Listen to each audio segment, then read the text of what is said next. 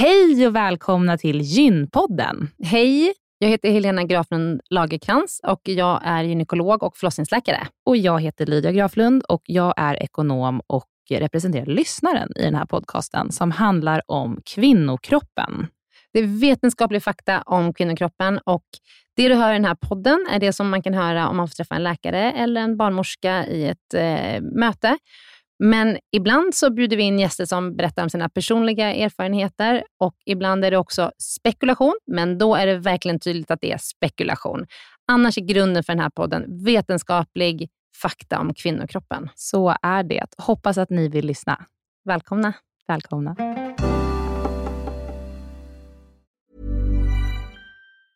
Many of us have those stubborn pounds that seem impossible to lose, no matter how good we eat or how hard we work out. My solution is PlushCare. PlushCare is a leading telehealth provider with doctors who are there for you day and night to partner with you in your weight loss journey. They can prescribe FDA-approved weight loss medications like Wagovi and Zepbound for those who qualify. Plus, they accept most insurance plans. To get started, visit plushcare.com slash weight loss. That's plushcare.com slash weight loss. Den här veckans avsnitt av Gynpodden är sponsrad av Care. Och Helena, det är ju det bolaget, vårdbolaget, som du och jag har varit med och startat, där vi erbjuder digitala vårdmöten med specialister inom kvinnovård. Precis. Och vi vet att det är väldigt mycket vårdpersonal som lyssnar på Gynpodden, vilket vi är jätteglada för. Och vi behöver alltid fler gynekologer till STKR. Så därför vill vi nu göra en shout-out till alla er som lyssnar där ute som vill vara med och förändra svensk kvinnovård. Vi söker specialister inom gynekologi, men också ST-läkare som har kommit en bit in i sin ST och som vill arbeta digitalt eh, med handledning på, hos oss på STKR. Mm. Och precis som det är för våra patienter som kan söka vård hos oss, det vill säga att de kan bo vart som helst i landet eftersom vi är digitala. Om man laddar ner appen och så bokar man ett vårdmöte, så kan ju även läkaren bo vart som helst i landet eller flytta under tiden man jobbar hos oss. Det är ju väldigt, väldigt flexibelt eftersom eh, man jobbar hemifrån. Och Jag tänker att det måste ju också vara helt underbart att som läkare kunna arbeta hemifrån och planera sin egen tid några dagar i veckan. Ja, verkligen. Och samtidigt vara med och förändra kvinnovården med kollegor som är otroligt drivna och engagerade. Det är jätteroligt att jobba på SDKR.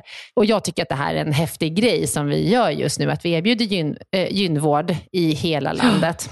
Och vilka är de vanligaste patientmötena du tar, Helena? Ja, men det är ju klimakteriet, eh, PMS, eh, mensbesvär.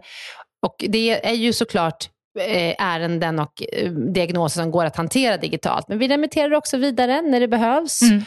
Eh, och tar labbprover när det behövs mm. och så vidare. Mm. Så gå in på sdcare.com, klicka på jobba hos oss i menyn för att läsa mer och skicka in en ansökan. Tack så mycket. Tack och välkomna. Jag tror att många känner som jag just nu en stor sorg för vad som händer i Ukraina Eh, att man känner att man vill på något sätt kunna hjälpa till, men kanske inte vet exakt hur. Ett tips från oss på Gynpodden är att bidra till flyktingarna som lämnar Ukraina just nu, vilket man kan göra via UNHCR, som är FNs flyktingorgan.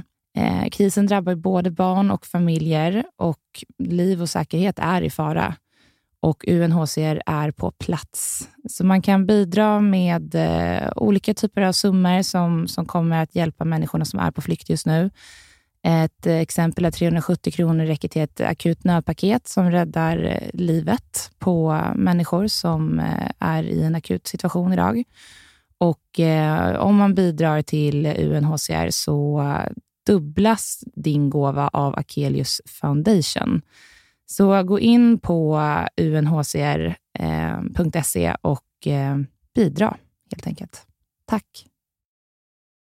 Hej, välkomna till Gynpodden. Hej. Jag heter Helena Graflund Lagerkrans. Och jag heter Lydia Graflund. Och eh, vi är som vanligt superpepp på att spela in det här poddavsnittet. Mm. Idag ska vi prata om endometrios. Precis. Och Det är ett ämne som det känns som jag säger varje vecka, men som jag inte vet så mycket om. Nej. Men som känns väldigt vanligt. Eh, speciellt när man eh, kommer in på ämnet så verkar det som att det är ganska många kvinnor som lider av endometrios. Ja, jag tycker det är faktiskt ett av de vanligare ämnena som kommer upp när man pratar om kvinnohälsa och vad tänker du på när vi säger kvinnohälsa eller kvinnosjukdomar och då är det ju många som säger endometrios för att Ja. det är jag tror att det är många kvinnor som går där ute också och har besvär men som inte får hjälp. Jag läste någonstans att var tionde kvinna Ja. lider av endometrios. Ja. Kan det stämma? Vi ska få svar på allt detta för dagens gäst är nämligen Anna-Sofia Melin. Välkommen. Välkommen. Eh, Anna-Sofia, du är ju eh, allmänt känd som endometriosläkaren. Du har ett eh, Instagramkonto som är jättepopulärt som jag själv följer. Följer du det Lydia? Nej, jag är ju inte så bevandrad inom området, men från och med nu så kommer du ha en till följare. Jag tror att du har ungefär 8000 följare och gör jättebra inlägg där om endometrios. Du är gynekolog, specialiserad på just endometrios. Och när man läser om en endometrios i media så kommer ju ditt namn ofta upp och du uttalar dig i media och så. Känner du igen dig i den bilden? Det stämmer. Det är det jag brinner för, att sprida kunskap. För kunskapen är låg kring endometrios. Ja. Eh, Jag tycker vi kör igång direkt med ämnet. Ja, veckans avsnitt, Mm. endometrios. Ska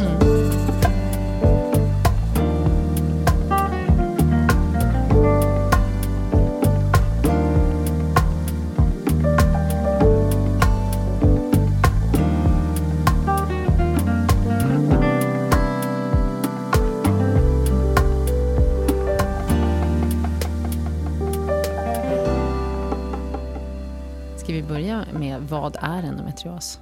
Endometrios är ju en eh, kronisk sjukdom för det första. Att vi har ju ingen botande behandling idag.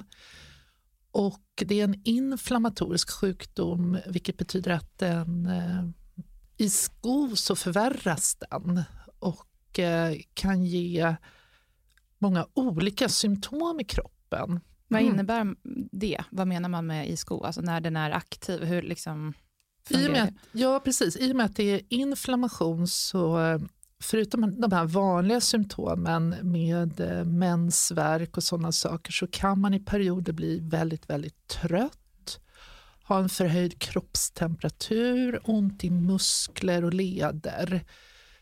Så även om inflammationen, om sjukdomen alltså sitter i bukhålan så ger det mycket symptom i övrigt. Men vad det innebär då, själva sjukdomen, det är ju det här att det finns celler då som liknar cellerna i livmoderslemhinnan, men de finns utanför livmodern och växer fast på organ i bukhålan, eh, bukväggen, ligament, eh, nerver. Och där bildar de här cellerna härdar och när kvinnan sen har mens och blöder så blöder det också i de här härdarna inne i buken och det är det som ger en kraftig inflammation. Kroppens immunförsvar försöker bekämpa det här och eh, det ger mycket smärta. Hur skiljer sig den här smärtan? För att en, en del av de eh, symptom som du har nämnt nu kan ju också upplevas som vanlig, Mm. inom situationstecken, eh, menssmärta. Hur Mm. vet man att det är eh, endometrios som man lider av?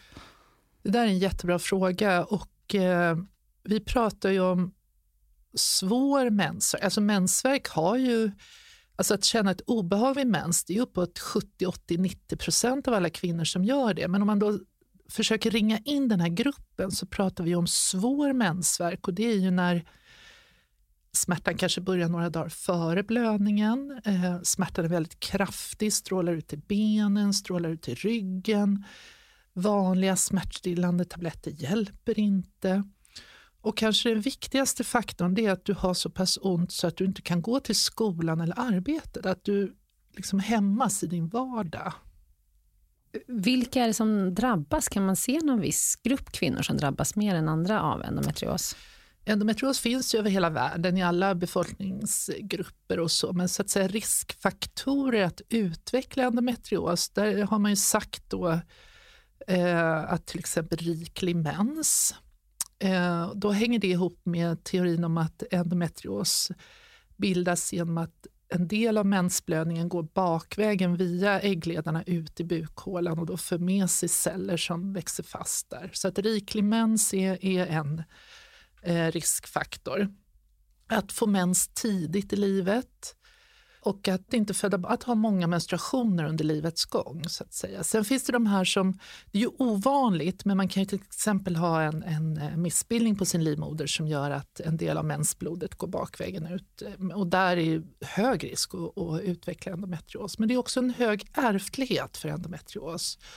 Och det är väldigt intressant när man pratar med patienten och man frågar om mamma och moster och farmor och mormor och sådär. Då, då hittar man ju bakåt i generationer att det är flera kvinnor som har haft det här men man har inte pratat om det. Man har, inte tro, man har trott att det är helt normalt att vara så här som kvinna. Mm. Mm. Eh, och det är där vi också måste börja prata om de här eh, problemen. För den unga kvinnan så att hon kan förstå, okej okay, det här är inte normalt, det här kan jag söka hjälp för. Det här pratar vi ju ganska mycket om Helena, att mm. alla kvinnor och tjejer ska kunna gå till skolan eller jobbet alla dagar i veckan. Man mm. ska kunna leva på sitt liv med en högre kvalitet än vad kanske många kvinnor gör idag, eller vet att de mm. kan göra mm. idag. Jag håller, det är jätte, jätteviktigt. Eh, och, och, men då tänker jag, när du säger så att ju flera menstruationer desto högre risk, och speciellt om de är rikliga. Så att om man fångar de här kvinnorna i tidig ålder, då minskar man risken att utveckla svårare symptom senare i livet. Det där vet vi inte. Och det är ju ett, eh, det är knepigt, men eh, för det är inga studier gjorda på långtidsuppföljning. Mm. Men vi vet att eh, den behandling vi har att erbjuda, det minskar ju smärta smärtan och ökar livskvaliteten. Mm. men vi vet faktiskt inte om det förbättrar möjligheten att få barn till exempel och om det förhindrar komplikationer senare i livet. Eh, vi, vi kan ju tro det och, och genom så att säga att teoretiskt resonera om det här, vad det har för effekter i kroppen, men, men det finns tyvärr inga studier som kan visa på det. Nej. Ja, för att de inte är gjorda eller för att de inte kan visa det? För att de inte är gjorda. Nej, okay. Mm. Eh, så vi, då har vi kom, pratat lite om symptomen, men det finns flera symptom än de du har nämnt. Mm. Vilka är mera man ska vara uppmärksam på? Jag brukar eh, det är fem symptom man verkligen ska vara uppmärksam på som lätt ringar in den här gruppen. Och det är ju svår mensvärk, ont vid ägglossning, djup samlagssmärta smärta, ont och kissa, ont och bajsa kring menstid. Då. Mm. Om man ställer de här frågorna så ja, då får man ofta en bild av hur svåra besvären är. Men man behöver inte uppfylla alla fem för Nej. att ta diagnosen? Nej. Eh, så eh, en kvinna då som har ett eller flera av de här symptomen, eh, så vad gör man för utredning? Ja, ofta börjar man ju med en vanlig gynundersökning och vaginalt ultraljud. Det gör ju alla Eh, gynekologer idag i princip. Och eh, där kan man inte säga om hon har endometrios eller inte. Det är ju mera för att se om det finns någon annan sjukdom som kan ge smärta. Man kan se endometriossystor på äggstockarna med ultraljud och då vet man ju diagnosen. Men eh, ofta sitter endometrios bara som prickar eller härdar på bukhinnan och det kan vi inte se så bra med, med ultraljud. Så det är det första steget, men man har ju fortfarande inte klarlagt om det är endometrios eller inte. Och sen går man ju vidare med att prova en behandling. Eh, behandlingen är densamma om det är svår mensvärk eller faktiskt är endometrios så är behandlingen densamma. Så då provar man behandling och blir hon bättre så, så är man nöjd med det och tycker att det är bra. Men fungerar inte det heller, då kan man ju behöva gå vidare med en utredning och då är det ju det vi har idag är kvalificerat ultraljud, alltså duktiga gynekologer som är specialutbildade. Man kan göra en MR-undersökning. Men för de flesta så är det fortfarande så att man gör en titthålsoperation. Man gör en laparoskopi och tittar in i buken. Vi har inget blodprov eller något enkelt test för att ta reda på om, om en person har endometrios. Och det, det ställer till en del mm. problem. Mm. I steg nummer två, där, hur ser den eh, behandlingen ut som man test, börjar testa med? Man testar ju alltid våra hormonella preventivmedel kan man säga. Mm. Det är steg ett och det är p-piller, mellanpiller, hormonspiral, p-stav. För jag tänkte just på det, givet... Um, nu, vi har ju spelat in ett avsnitt om menstruation och kvinnokroppen. Och, mm. och även om preventivmedel, att det finns ju ganska mycket preventivmedel som gör att du inte får mens. Och att vi har pratat om att det kan vara fördelaktigt av mm. många anledningar. Och Det mm. känns som att här kan ju det vara Helt en del rätt. av den. Ja. Det är det som är syftet. Att få... Börja kunna en del. Jättebra Lydia. Lägger ihop ett och ett här. Mm. Nej, men det är jätteviktigt att, att få bort mensen. Och det, det har egentligen att göra med att då vet vi att vi har skapat ett läge i kroppen där vi har låga östrogennivåer. Och då kan vi svälta ut endometriosen. Och det är svårt att ta blodprov och mäta östrogennivåerna hela tiden. Så att vi använder liksom mensen som ett tecken på det här. Och det är inte alltid så enkelt att, att få en, en person att bli mensfri. Så man kan behöva kombinera flera olika eh, ja, hormonpreparat och sådär. Men det är syftet. Och att få bort mensen för att minska smärtan och öka livskvaliteten. Många endometriospatienter, eh, i varje fall som jag träffar, du träffar ju jättemånga fler än jag, men blir ju inte blödningsfria på samma sätt som kanske kvinnor utan endometrios med ett vanligt p-piller. Eh, vad, upplever du, visst är det så?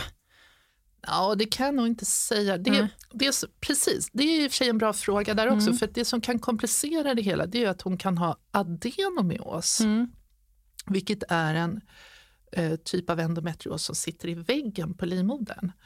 Och då är det klassiska symptomet rikliga menstruationsblödningar. Och det, det kan vara väldigt svårt faktiskt att få henne blödningsfri. Mm. Men jag tänker, det är nog inget typiskt, det kan finnas andra kvinnor som har de problemen också. Men mm. unga kvinnor med pigga äggstockar som bara ägglossar och har mm. jättemycket östrogen. ja, mm. Det kan vara jättesvårt att få, blödnings, få dem mm. blödningsfria. Mm. Och, eh, det är mycket biverkningar med behandlingarna också, det, det måste man säga. Och det, här krävs ju en kontinuerlig läkarkontakt. Man mm. måste ju ha en gynekolog eller en duktig eh, distriktsläkare eller barnmorska på ungdomsmottagningen eller något som följer upp och som utvärderar. Och Det är verkligen jätteviktigt. Och det, mm. det kan göra mig så upprörd. Vi har andra system i sjukvården där vi har uppbyggda eh, rutiner för hur vi tar hand om astmapatienter och KOL-patienter och diabetespatienter. Men här, när det gäller den här sjukdomen som drabbar så många, mm. så har vi inte det. Nej. Många kvinnor lämnas ensamma mm. i det här. Så ett litet take home message där är att du, om du som kvinna eller ung tjej eller vem det nu är har fått en preventivmedelsförskrivning och du fortfarande inte blir blödningsfri, så ge dig inte. Utan se till att få en uppföljning mm. och fråga vad gör vi nu? Mm. mm. Men eh, sen så, alla blir inte bra med första eh, linjens behandling. Så vad, vad, gör man då? Ja, där kan man ju då erbjuda eh, operation om, om man vill så att ta reda på, är det här endometrios? Och vid en operation kan man ju också ta bort endometrioshärdarna vilket ger smärtlindring efteråt och så. Men man kan också gå vidare i den här trappan då med hormonbehandlingar och steg två då är gestagenpreparat eh, i olika former som är lite kraftfullare och som enklare tar bort eh, mensen. Vad är gestagen? Gestagen är ju läkemedel som liknar vårt naturliga progesteron, då, vårt gulkroppshormon i kroppen. Och ger man det i hög dos, man kan säga att man lurar kroppen att man är gravid. Eh, man har ingen ägglossning, ingen mens och, och då kan man också då svälta ut eh, endometriosen och det är tablettform, allt det vi har nu att erbjuda faktiskt. Och så funkar inte det heller, då har vi det här tredje steget där vi eh, försätter kvinnan i klimakteriet och konstgjort kemiskt klimakterium. Och det är nässpray eller injektion då man ger. Och det, det kan låta väldigt hemskt till många patienter som tycker att oh, det här kan jag inte, det här verkar jättehemskt. Men ibland fungerar det väldigt, väldigt bra. Framförallt om man har provat väldigt många andra hormonpreparat och det inte har fungerat så kan det faktiskt fungera. Och hur, hur fungerar det då när man, om man skulle vilja ha barn mm. efter den? Går, genomgår man de facto klimakteriet eller är det bara att det är för Det är bara stadiet. tillfälligt under tiden man tar de här läkemedlen. Mm. Så att när man slutar med dem sen så kommer ägglossning och mens tillbaka. Mm. Men då blir man eh, symptomfri förhoppningsvis, eller åtminstone blödningsfri under den Mm. perioden man tar medicinen. Och hur många kvinnor ungefär av dina endometriospatienter är som man behöver gå till den tredje behandlingssteget? Ja, kanske 20 procent, en Okej. av fem där. Mm. Alltså, man följer ju sin patient eh, under livets gång. Nu har jag ju hållit på med det här ett tag så jag har faktiskt haft förmånen att följa mina patienter. Och man kan säga att en kvinna som lever med endometrios under väldigt många år av sitt liv, man, man provar lite olika behandlingar i olika skeden av livet. Eh, för den unga börjar man ju alltid med p-piller och sånt. Och efter att, att hon har fött sina barn kanske och så, då kanske man går över till ja, det här med gestagener eller försätts i klimakteriet eller så. Det beror lite olika. Mm. Det är väldigt individuellt, dels hur sjukdomen yttrar sig för en individ, men också hur den utvecklas under livets gång. Och det blir ganska många år. Tänk man får mens kanske i 12-13 års åldern och sen kommer klimakteriet vid 52. Alltså du kan ju ha 40 år med den här sjukdomen. Mm. Eh, så att du hinner prova ganska många olika behandlingar och eh, ja, som läkare då måste man ju vara lite lyhörd för det här. Att, att ja, lyssna in vad gäller just nu för den här patienten. Mm. Eh, Hur ser prognosen ut? Ja, man säger att 50 procent har ju tyvärr då en progredierande sjukdom. Alltså att eh, trots att vi försöker göra det vi kan så att säga med de behandlingar vi har att erbjuda så återkommer endometriosen, endometriosen växer eller du utvecklar kroniska smärttillstånd. Så att eh, det, är, det är en tuff diagnos eh, för många. Och eh, ja, det kan innebära att man kanske i perioder behöver vara sjukskriven, man kanske inte kan göra den utbildning man hade tänkt sig. Och sen har vi ju hela den här biten med nedsatt fertilitet, Mhm. eh, vilket ju Alltså jag kan säga alla unga kvinnor som har fått sin diagnos, den första frågan de ställer till mig då vid återbesöket är ju kommer jag kunna få barn? Och hur ser det ut på den fronten? Man räknar ju endometrios som grupp, säger man att de är subfertila om man tittar på gruppnivå, alltså att de har en nedsatt eh, fertilitet. Man brukar ju säga det att om ett par försöker bli gravida så blir nio av tio gravida under ett år. Men har kvinnan endometrios då i paret, då blir tre av tio gravida på ett år, eh, spontant gravida. Eh, så att för en hel del blir det ju IVF. Eh, idag har ju den utvecklingen gått framåt enormt så att många blir ju föräldrar. Mm. Absolut, man säger att åtta av tio blir föräldrar. Eh, och då har man räknat in de som också gör IVF. Men eh, det kan vara en lång väg dit. Mm. Och eh, något som är väldigt jobbigt det är ju det här att man måste ju sluta med sin behandling när man vill bli gravid. Mm. Och då kommer ju ägglossning och mens tillbaka. Och då vet man att nu kommer det att göra ont igen. Det. Eh, Hur ser rekommendationen ut där? eh, Då, om man inte blir gravid och man har diagnosen endometrios, ska man ändå vänta ett år innan man kontaktar en IVF-klinik? Eh, verkligen inte. Och där hoppas jag verkligen att det har gått fram till alla IVF-kliniker och alla regioner i Sverige. För det har vi skrivit i våra riktlinjer också. Att eh, man behöver inte vänta så länge. Det är kvinnans smärta som får styra. Om hon redan efter tre månader känner det här går inte. Då kan hon börja med sin hormonbehandling och så kan paret söka IVF-vård istället. Och det, det tror jag är spritt över hela landet nu att Mm. man kan få den hjälpen. Mm, vad fint. Bra.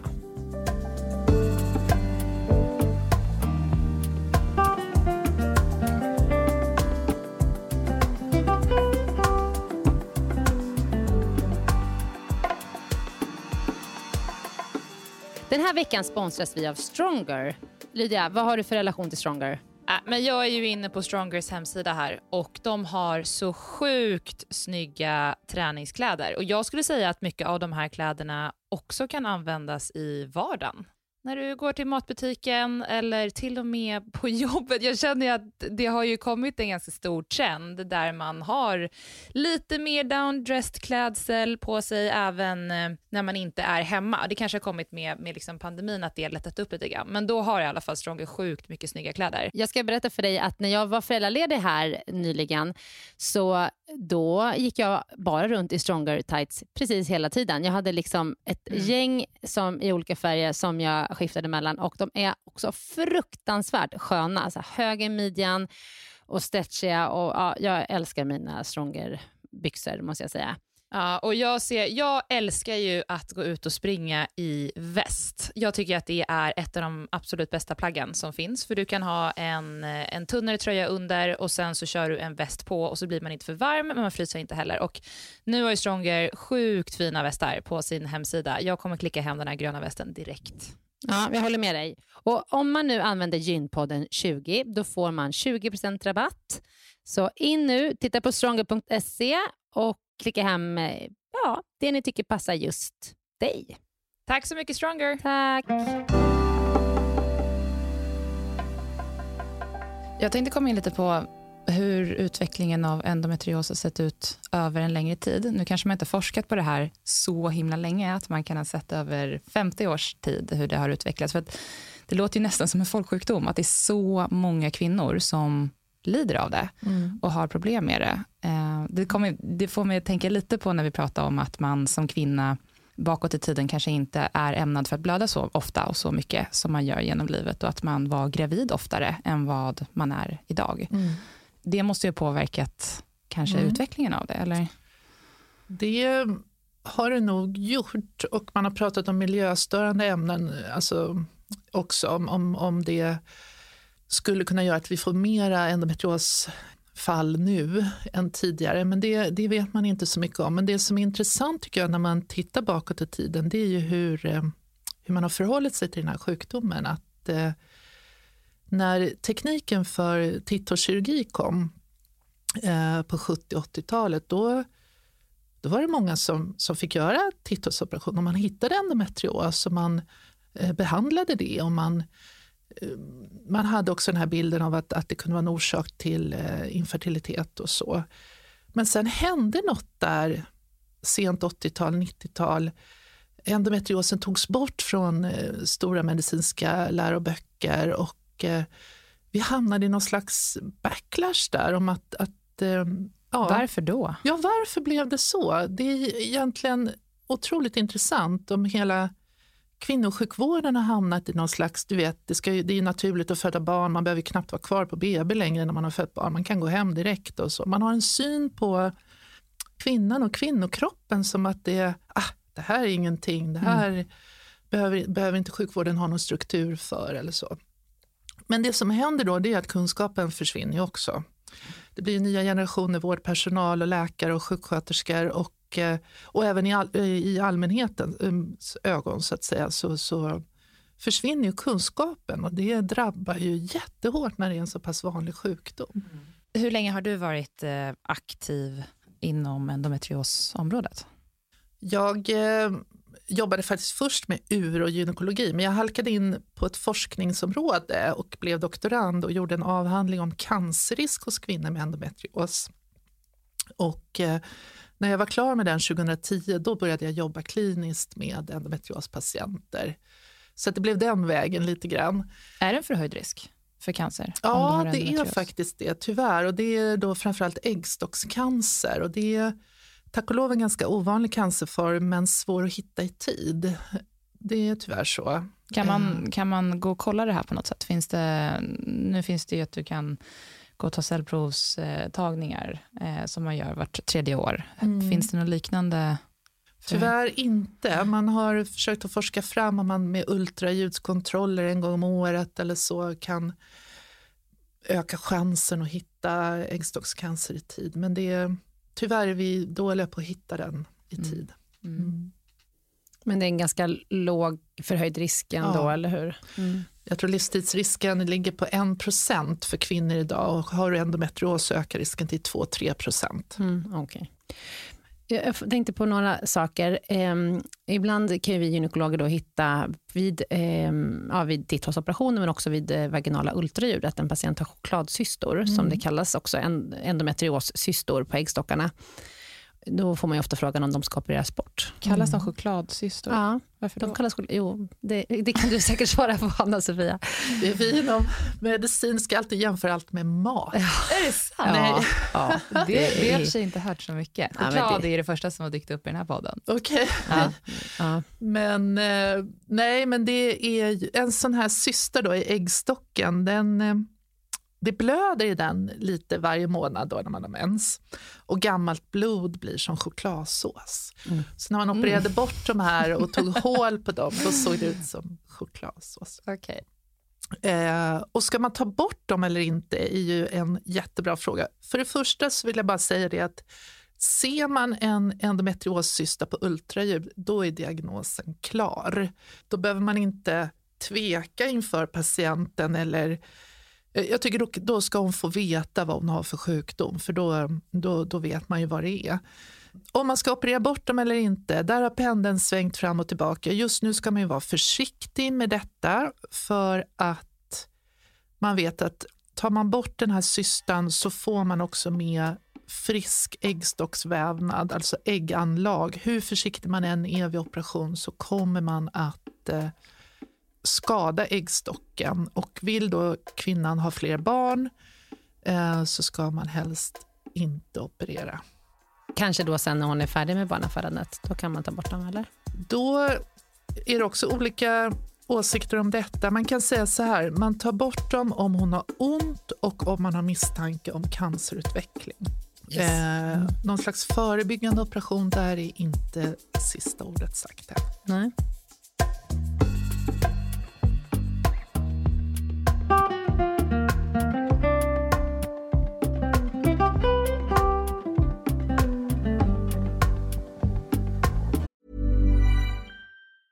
There's never been a faster or easier way to start your weight loss journey than with PlushCare. PlushCare accepts most insurance plans and gives you online access to board-certified physicians who can prescribe FDA-approved weight loss medications like Wigovi and Zepbound for those who qualify. Take charge of your health and speak with a board-certified physician about a weight loss plan that's right for you. Get started today at plushcare.com slash weight loss. That's plushcare.com slash weight loss plushcare.com slash weight loss. Quality sleep is essential. That's why the Sleep Number smart bed is designed for your ever-evolving sleep needs. Need a bed that's firmer or softer on either side? Helps you sleep at a comfortable temperature? Sleep Number smart beds let you individualize your comfort so you sleep better together. JD Power ranks Sleep Number number 1 in customer satisfaction with mattresses purchased in-store. And now, save 50% on the Sleep Number limited edition Smart Bed for a limited time. For JD Power 2023 award information, visit jdpower.com/awards. Only at a Sleep Number store or sleepnumber.com. Den här veckan så är Gynpoddens avsnitt sponsrat av hemsidan mittpreventivmedel.se som är en eh, informationshemsida gjord av Bayer. Mm. Och vi har pratat om den tidigare i avsnitt eh, om att eh, det finns olika tester du kan ta, eller det finns ett test du kan ta. Du kan också gå in och jämföra olika preventivmedelsmetoder för att se vilka som är bäst för dig och du mm. kan titta på en film där mm. du kan förbereda dig inför att du ska träffa barnmorska eller gynekolog och skaffa ett preventivmedel. Men det vi skulle vilja berätta om idag, det är att det finns också då eh, på mittpreventivmedel.se så finns det en bra lathund om man råkar glömma ta sitt p-piller, eftersom det beror ju lite på liksom när i kartan som du glömmer att ta ditt piller. Mm. Och Då kan du gå in under rubriken “Känner du igen dig?” så finns det en rubrik som heter “Undvika oplanerad graviditet”. Och Där är listat sådana här saker då som kan hända. Att mensen är sen, du har glömt att ta p-pillret, behov av akut p-piller och kondomen gick sönder. Mm. Ja, du vet Lydia, olika saker som kan hända mm. som ändå gör att man blir sjukt orolig och behöver få information om vad som kan hända. Så börja med att gå in och läsa på den här sidan för att se liksom lite var passar du in någonstans. Mm. Det här är faktiskt en väldigt viktig del av den här hemsidan. Ja, och det är en superenkel guide där man Mm. fyller i hur många piller man har glömt, vilken sorts karta det var. Är det en karta med fyra eller sju sockerpiller, inga alls? Ehm, ja. Så att det, är- det är väldigt anpassat till din situation och sen Mm. så får du råd. Mm. Och ibland kan det vara att man bara, bara behöver ta igen det här pillret som man har missat och ibland behöver man kanske komplettera och ha kondom i en vecka liksom, eller så under en viss tid. Så att, eh, ja, men den är informativ och bra. Så gå in och kolla på mittpreventivmedel.se och sen klicka vidare till den här lathunden då, som man hittar under rubriken Känner du igen dig? Mm. Jättebra sida. Tack Eh, Bayer. Tack Bayer. En annan lite intressant grej tycker jag är att man kan få endometrios på så mycket olika platser i kroppen. Mm. Man kan få det i ärrvävnad. Eh, Vi hörde någon patient som hade det i något eh, ärr på låret. Mm. Man kan få det i, lung, i lungorna. Mm. Och då, då blöder man från lungorna när man har mens. Mm. Ja, Oj, gud det låter så det, lå- det, är, det är så märkligt. Ja. Och det kan ju ganska dramatiska, det är ju tack och lov ovanligt. Mm. då, Men visar det sig då att du, då blöder du liksom vaginalt även om det kommer från Nej. lungorna? Nej, Eller hur funkar Det det? blir ju i lungsäcken då sitter det, så att det blir blödningar där. Smärta, alltså i bröstkorgen vid mens och det kan bli blod i lungsäcken. Lungsäcken kan gå sönder och då får du ju en pneumotorax, alltså att lungan pff, liksom sjunker ihop. Det låter jätteallvarligt. Ja, det är ju Mm. akuta tillstånd och eh, väldigt dramatiskt. Så och, det här är egentligen eh, inte en sjukdom som är kopplad till underlivet på det sättet? Man har utan- hittat endometrios i alla kroppens organ. Det senaste nu var mjälten faktiskt. Så nu har man hittat endometrios i alla kroppens organ. Men det är ovanliga fall. Ovanligt. Ja. Men får män det här då? För då är det ju inte kopplat till att du har en livmoder det, eller jo, men det är kopplat till livmoderslemhinnan ändå. Just det, för från att det början. kommer ut därifrån. Eller? Eller det gissar jag. Eller Nej. säger jag fel nu? Ja, nej, inte, men det var kanske det vi inte nämnde. Det är ju en östrogenberoende sjukdom. Mm. Du måste ha östrogen i kroppen. Man har hittat det här hos män som har fått östrogenbehandling till exempel för prostatacancer. Mhm. Då har celler omvandlats eh, genitalt eller i underlivet då på man eh, till endometriosceller. För annars har inte män östrogen överhuvudtaget. För jag vet att kvinnor Nej. har ju en liten dos testosteron. Mm, Men- Precis. Ja. Ja, jag vet mycket. ja. Man kan bilda, faktiskt kan kraftigt överviktiga män från fettväv bilda också östrogen. östrogenliknande. Hur kommer det sig? För östrogen finns i fett. Mhm. Mm. Men, eh, då, men jag tänkte bara, så att den här då ovanliga formen när man till exempel har endometrios i lungorna, du menar att den kommer inte från, för det här har jag funderat lite på, hur sprids den Mm. från endometri, endometriet, alltså livmoderslemhinnan, ut till mjälten eller Mm. lungorna? Vet man det? Det är därför det här är så spännande Ja, sjukdom. mycket spännande. Eh, nej men man vet att det kan spridas både med blodbana och lymfbana. Eh, så där kan man ju se en, en vandring och kanske upp till eh, bröstkorgen och lungorna. Men sen pratar man ju mycket om eh, stamceller. Och det senaste då, stamcell som kanske vandrar fel.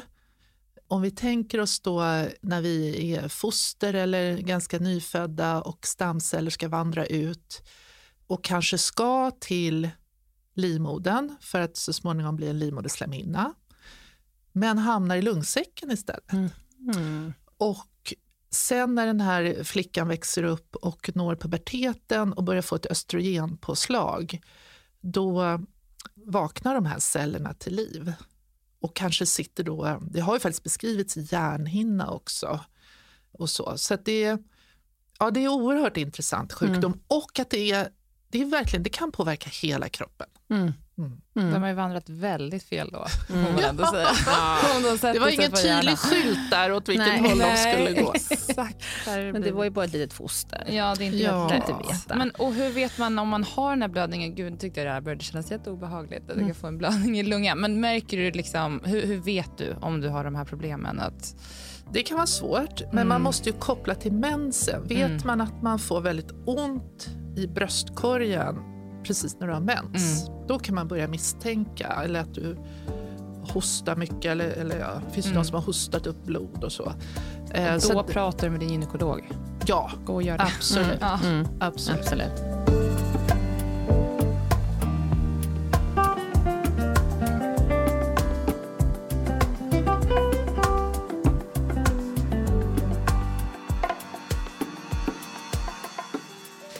Här veckan är vi också sponsrade av Natural Cycles, vilket vi är superglada för, för vi tycker att det är en jättebra produkt. De har en Natural Cycles Birth Control-del i sin app och så har de en Natural Cycles Plan Pregnancy i sin app också. Och De är världens första och enda digitala preventivmedelsmetod som är CE-märkt och vetenskapligt bevisad. Och Det är ett jättebra alternativ för kvinnor som letar efter ett naturligt och icke-invasivt alternativ till hormonella preventivmedel. Och Helena, vill du berätta eh, lite mer om hur det fungerar? Yes. Det här är ju en app då som utgår från att man är ju bara fertil vissa dagar i månaden och den här appen drivs av en algoritm som identifierar din dagliga fertilitetsstatus baserat på din basala kroppstemperatur. För det finns en nyckellänk mellan fertilitet och kroppstemperatur. Och det, det beror ju på att direkt efter ägglossningen inträffar under menscykeln så finns det en märkbar ökning av basala kroppstemperaturen. Så varje morgon mäter du din basala kroppstemperatur med en National Cycles termometer som har två decimaler och när du väl har lagt till din temperatur i appen så ger National Cycles dig en röd eller grön dag beroende på om du är fertil eller inte och alltså om du kan bli gravid eller inte. Och Det funkar då så att är det en grön dag så är du inte fertil och du behöver inte använda skydd under samlag. Är det en röd dag, då är du fertil och du måste eller bör använda skydd under samlag eller, eller också avstå samlag såklart. Ja, jag tycker att det är så fantastiskt vad man kan skapa desto mer man vet om kroppen. Mm, jag håller med dig. Det här är ju helt naturligt och bara baserat på att man faktiskt vet hur kroppen fungerar. Mm. Och Jag tycker att det, det är så coolt. Mm. Inget preventivmedel är ju 100% eh, effektivt. Eh, när Cycles används perfekt så är det 98% effektivt. Det innebär då att du inte har oskyddat sex på röda dagar. Och Cycles är 93% effektivt i typisk användning, vilket till exempel är om du har sex även fast du får en röd dag och då såklart oskyddat sex. Mm. Eh, Närcycles får bara användas för eh, personer som är över 18 år och det skyddar såklart inte mot könssjukdomar. Precis, och just nu så kan du använda koden GYNPODDEN för att få 20% rabatt på en årsprenumeration och en gratis termometer på www.naturalcycles.com. Så gå in och beställ på deras hemsida om du är intresserad av ett hormonfritt och eh, icke-invasivt eh, preventivmedelsalternativ. Yes! Tack så jättemycket Natural Cycles. Det är ju knepigt att få diagnosen ehm, och i medeltal så tar det åtta år från att en kvinna börjar söka tills diagnosen ställs och hon får en effektiv behandling. Detta måste vi ju ändra på. Och det är ju både vi gynekologer som måste se till att det blir en rätt behandling, men också att patienterna söker. Mm. Vad, vad, kan vi mera göra för att, det ska, att vi ska komma vidare liksom i det och få bättre siffror än åtta år? Mm. Nej, men jag tror också att det är dels inom vården att, att eh, sprida kunskap från skolsköterska, ungdomsmottagning, barnmorskemottagning, vårdcentraler, barnläkare. Podcast. Podcast är mm. fantastiskt bra. Mm. För vi behöver också sprida kunskap hos allmänheten. Man måste veta vad är normal mens och vad är inte normalt. Man måste ha någon slags hum om det. Och har man frågor, om man går till skolsköterskan till exempel eller ungdomsmottagningen, att man då blir uppfångad och får hjälp. Mm. Vi pratar ju i ehm. andra avsnitt om vad som är normal mens och mm. inte, men om du bara vill kort kommentera på det här också. Ja, när vi pratar då mensvärk så är det ju att vanliga, om vanliga värktabletter inte hjälper och om du måste vara hemma från skolan eh, då har du väldigt ont och då har du mer ont än vad andra har. Och då, mm. Du måste kunna få hjälp. Det var ju ganska nyligen så skrev en person på mitt Instagram att på hennes skola, alltså hon var vuxen på skolan då, där fanns det flickor nu i högstadiet som väljer bort alternativgymnasiet för att de tror att de inte klarar av det på grund av mensbesvär. Nej. Jag menar, det är 2021, det kan inte vara så. Nej, också i Sverige som I tycker Sverige. att vi ligger i framkant ja. i utvecklingen. Ah. Men alltså, det kan ju vara så enkla saker som att menssäkra skolan, att ha raster, att man hinner gå och byta mensskydd, att det finns mensskydd på toaletterna. Mm. Det finns så mycket att göra där så att det inte göms undan och, och, och blir tabu och vi inte vågar prata om det. Mm, det pratar vi mycket om i den här podden. Alltså, Vi vill ju lyfta på det som känns tabu kring kvinnokroppen och kvinnohälsa och vilka problem man har. Men Anna-Sofia, du gör ju också ett helt fantastiskt om, eh, insats på det här området. Och jag blir alldeles rörd när jag tänker på liksom vad du gör för våra kvinnor. Och nu finns ju du bara tyvärr som en person och du Ja. bor i Stockholm och jobbar i Stockholm. Så att det är ju liksom Stockholmskvinnorna som får ta del av, av din hjälp ibland. Och, men jag träffar ju också patienter som går hos dig som är så tacksamma för att du har ändrat deras liv. Och eh, ja, men Jag hoppas att du ska liksom klonas i flera personer så att vi blir jättemånga endometriosdoktorer som tar hand om patienter i hela Sverige. Och att vi, eh, ja, att vi verkligen lyfter, det här, lyfter den här frågan. Det ska liksom vara högsta prioritet. Mm. Högst, alltså det är unga tjejer och det är många år. Hur blir det efter klimakteriet tänkte jag på? Eh, ungefär två tredjedelar blir ju betydligt, betydligt bättre förbättrade. Men man slipper mens, man kan sluta med sina hormonbehandlingar, man eh, har mindre ont. Eh, det finns några dock som fortsätter att ha en aktiv endometrios. Man vet inte riktigt hur mycket, kanske 3-5 procent sådär. Och det, det kan vara en ganska svårdiagnostiserad grupp också. Och eh, eh, där finns risken också för cancerutveckling i endometrioshärdarna. Så det, det gäller att vara, informera kvinnan och vara vaksam på om endometriossmärtan fortsätter Mm. även efter klimakteriet. Jag tycker att när vi spelar in den här podden, vilket är ju kvinnofokuserat, så det är ganska naturligt, men att det dyker upp så uh, många problemområden som är just kopplade till kvinnokroppen. En snabb fråga här bara, är, finns det lika mycket problem med manskroppen? Jag tänker just, men, men, men liksom, finns det ett motsvarande endometrios för män till exempel, som 10% av den manliga befolkningen lider av? Prostata. Ja, jag tänker också och ure, uretriter, alltså den typen, genital smärta och spänd bäckenbotten finns ju hos män också, men om det är lika vanligt är ju svårt. Och, Mm. och, men jag tänker det, Jag tycker att det är så mycket, det är endometrios, det är myom, det är Mm. PCOS, Ja. det är PMS, det, det är liksom Och mycket av det ska man stå ut med, för det är så att vara kvinna. Och hur det egentligen påverkar med eh, nedsatt arbetsförmåga, sjukskrivning, i förlängningen en, en mindre pension. Mm. Psykisk ohälsa. Psykisk ohälsa, det har vi inte nämnt Nej. här, men det är också vanligt hos endometriospatienter. De blir utmattade, utslitna, ångest och depression är vanligare. Man blir inte trodd, det ställer ju till problem, men också smärtan, smärtan som hela tiden tär. Eh, och det är skandal att det inte finns en bättre sjukvårdsapparat kring det. Mm. Är det lika vanligt med endomet- endometriospatienter i andra länder som i Sverige? Mm. Eller, ja, det är Det det. finns över hela världen. Mm. Och, eh, om man tittar kanske i tredje världen och så, det, det upptäcks, det blir ju ofta fertilitets, alltså att man inte kan få barn. Mm. Där kan det upptäckas. Men det finns absolut över hela världen och eh, det pågår en del forskning och eh, man försöker hitta nya behandlingsmetoder och, och så. Eh, så det finns ju hopp. Är det något särskilt land som ligger i framkant när det kommer till det här? Eh, jag tycker Australien eh, ligger i framkant. Eh, vi i Europa tycker jag ändå det pågår mycket bra forskning.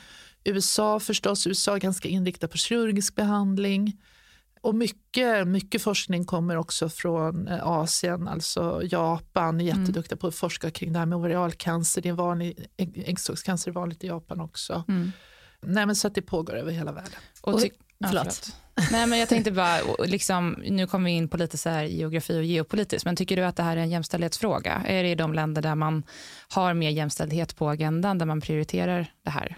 Jag, jag tror att patienter över hela världen känner att de är nedprioriterade i det här faktiskt. Jag tror att det, det är väldigt mycket kamp från patientföreningar, eh, att man försöker få upp det här på dagordningen, att man pratar med politiker och eh, jag, jag tror att det är tyvärr en, en, att kvinnosjukvård är nedprioriterat i många länder Mm. faktiskt.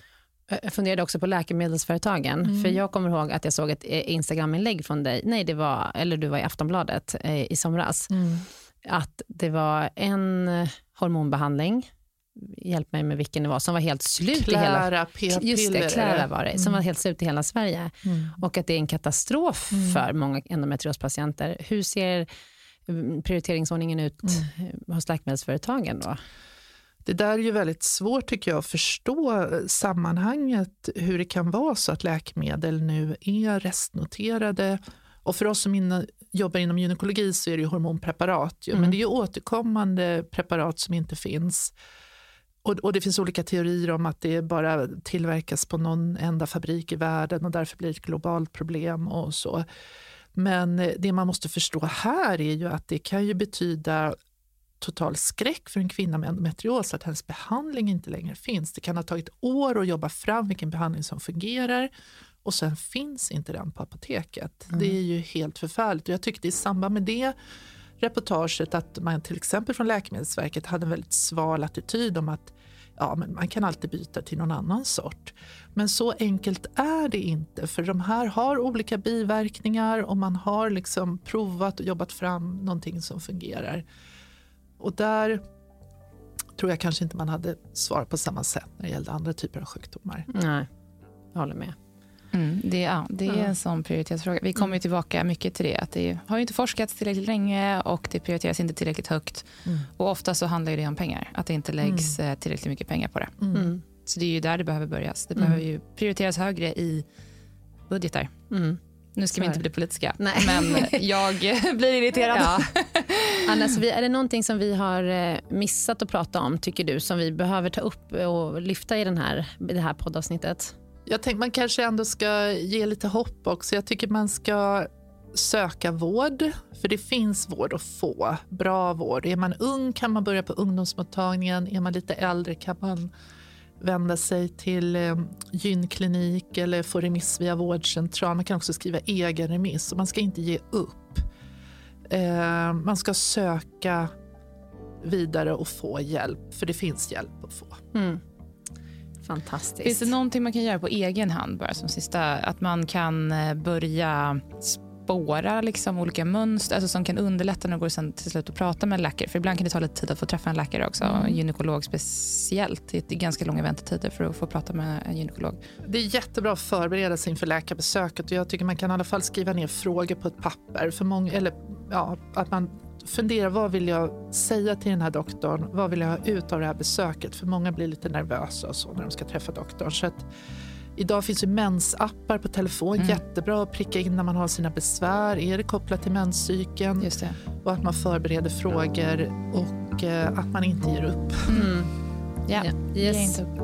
Och nu eh, uppmuntrar vi alla lyssnare att gå in och följa Anna-Sofia på Instagram. Endometriosdoktorn, det är ett fantastiskt eh, Instagramkonto.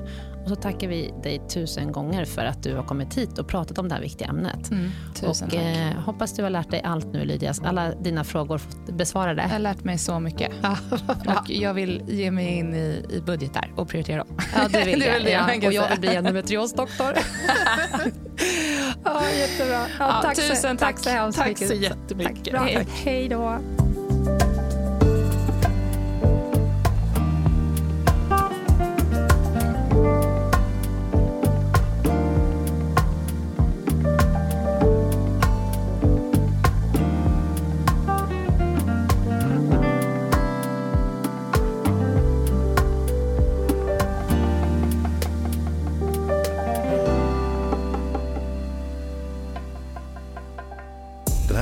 Podcasten är producerad av Perfect Day Media.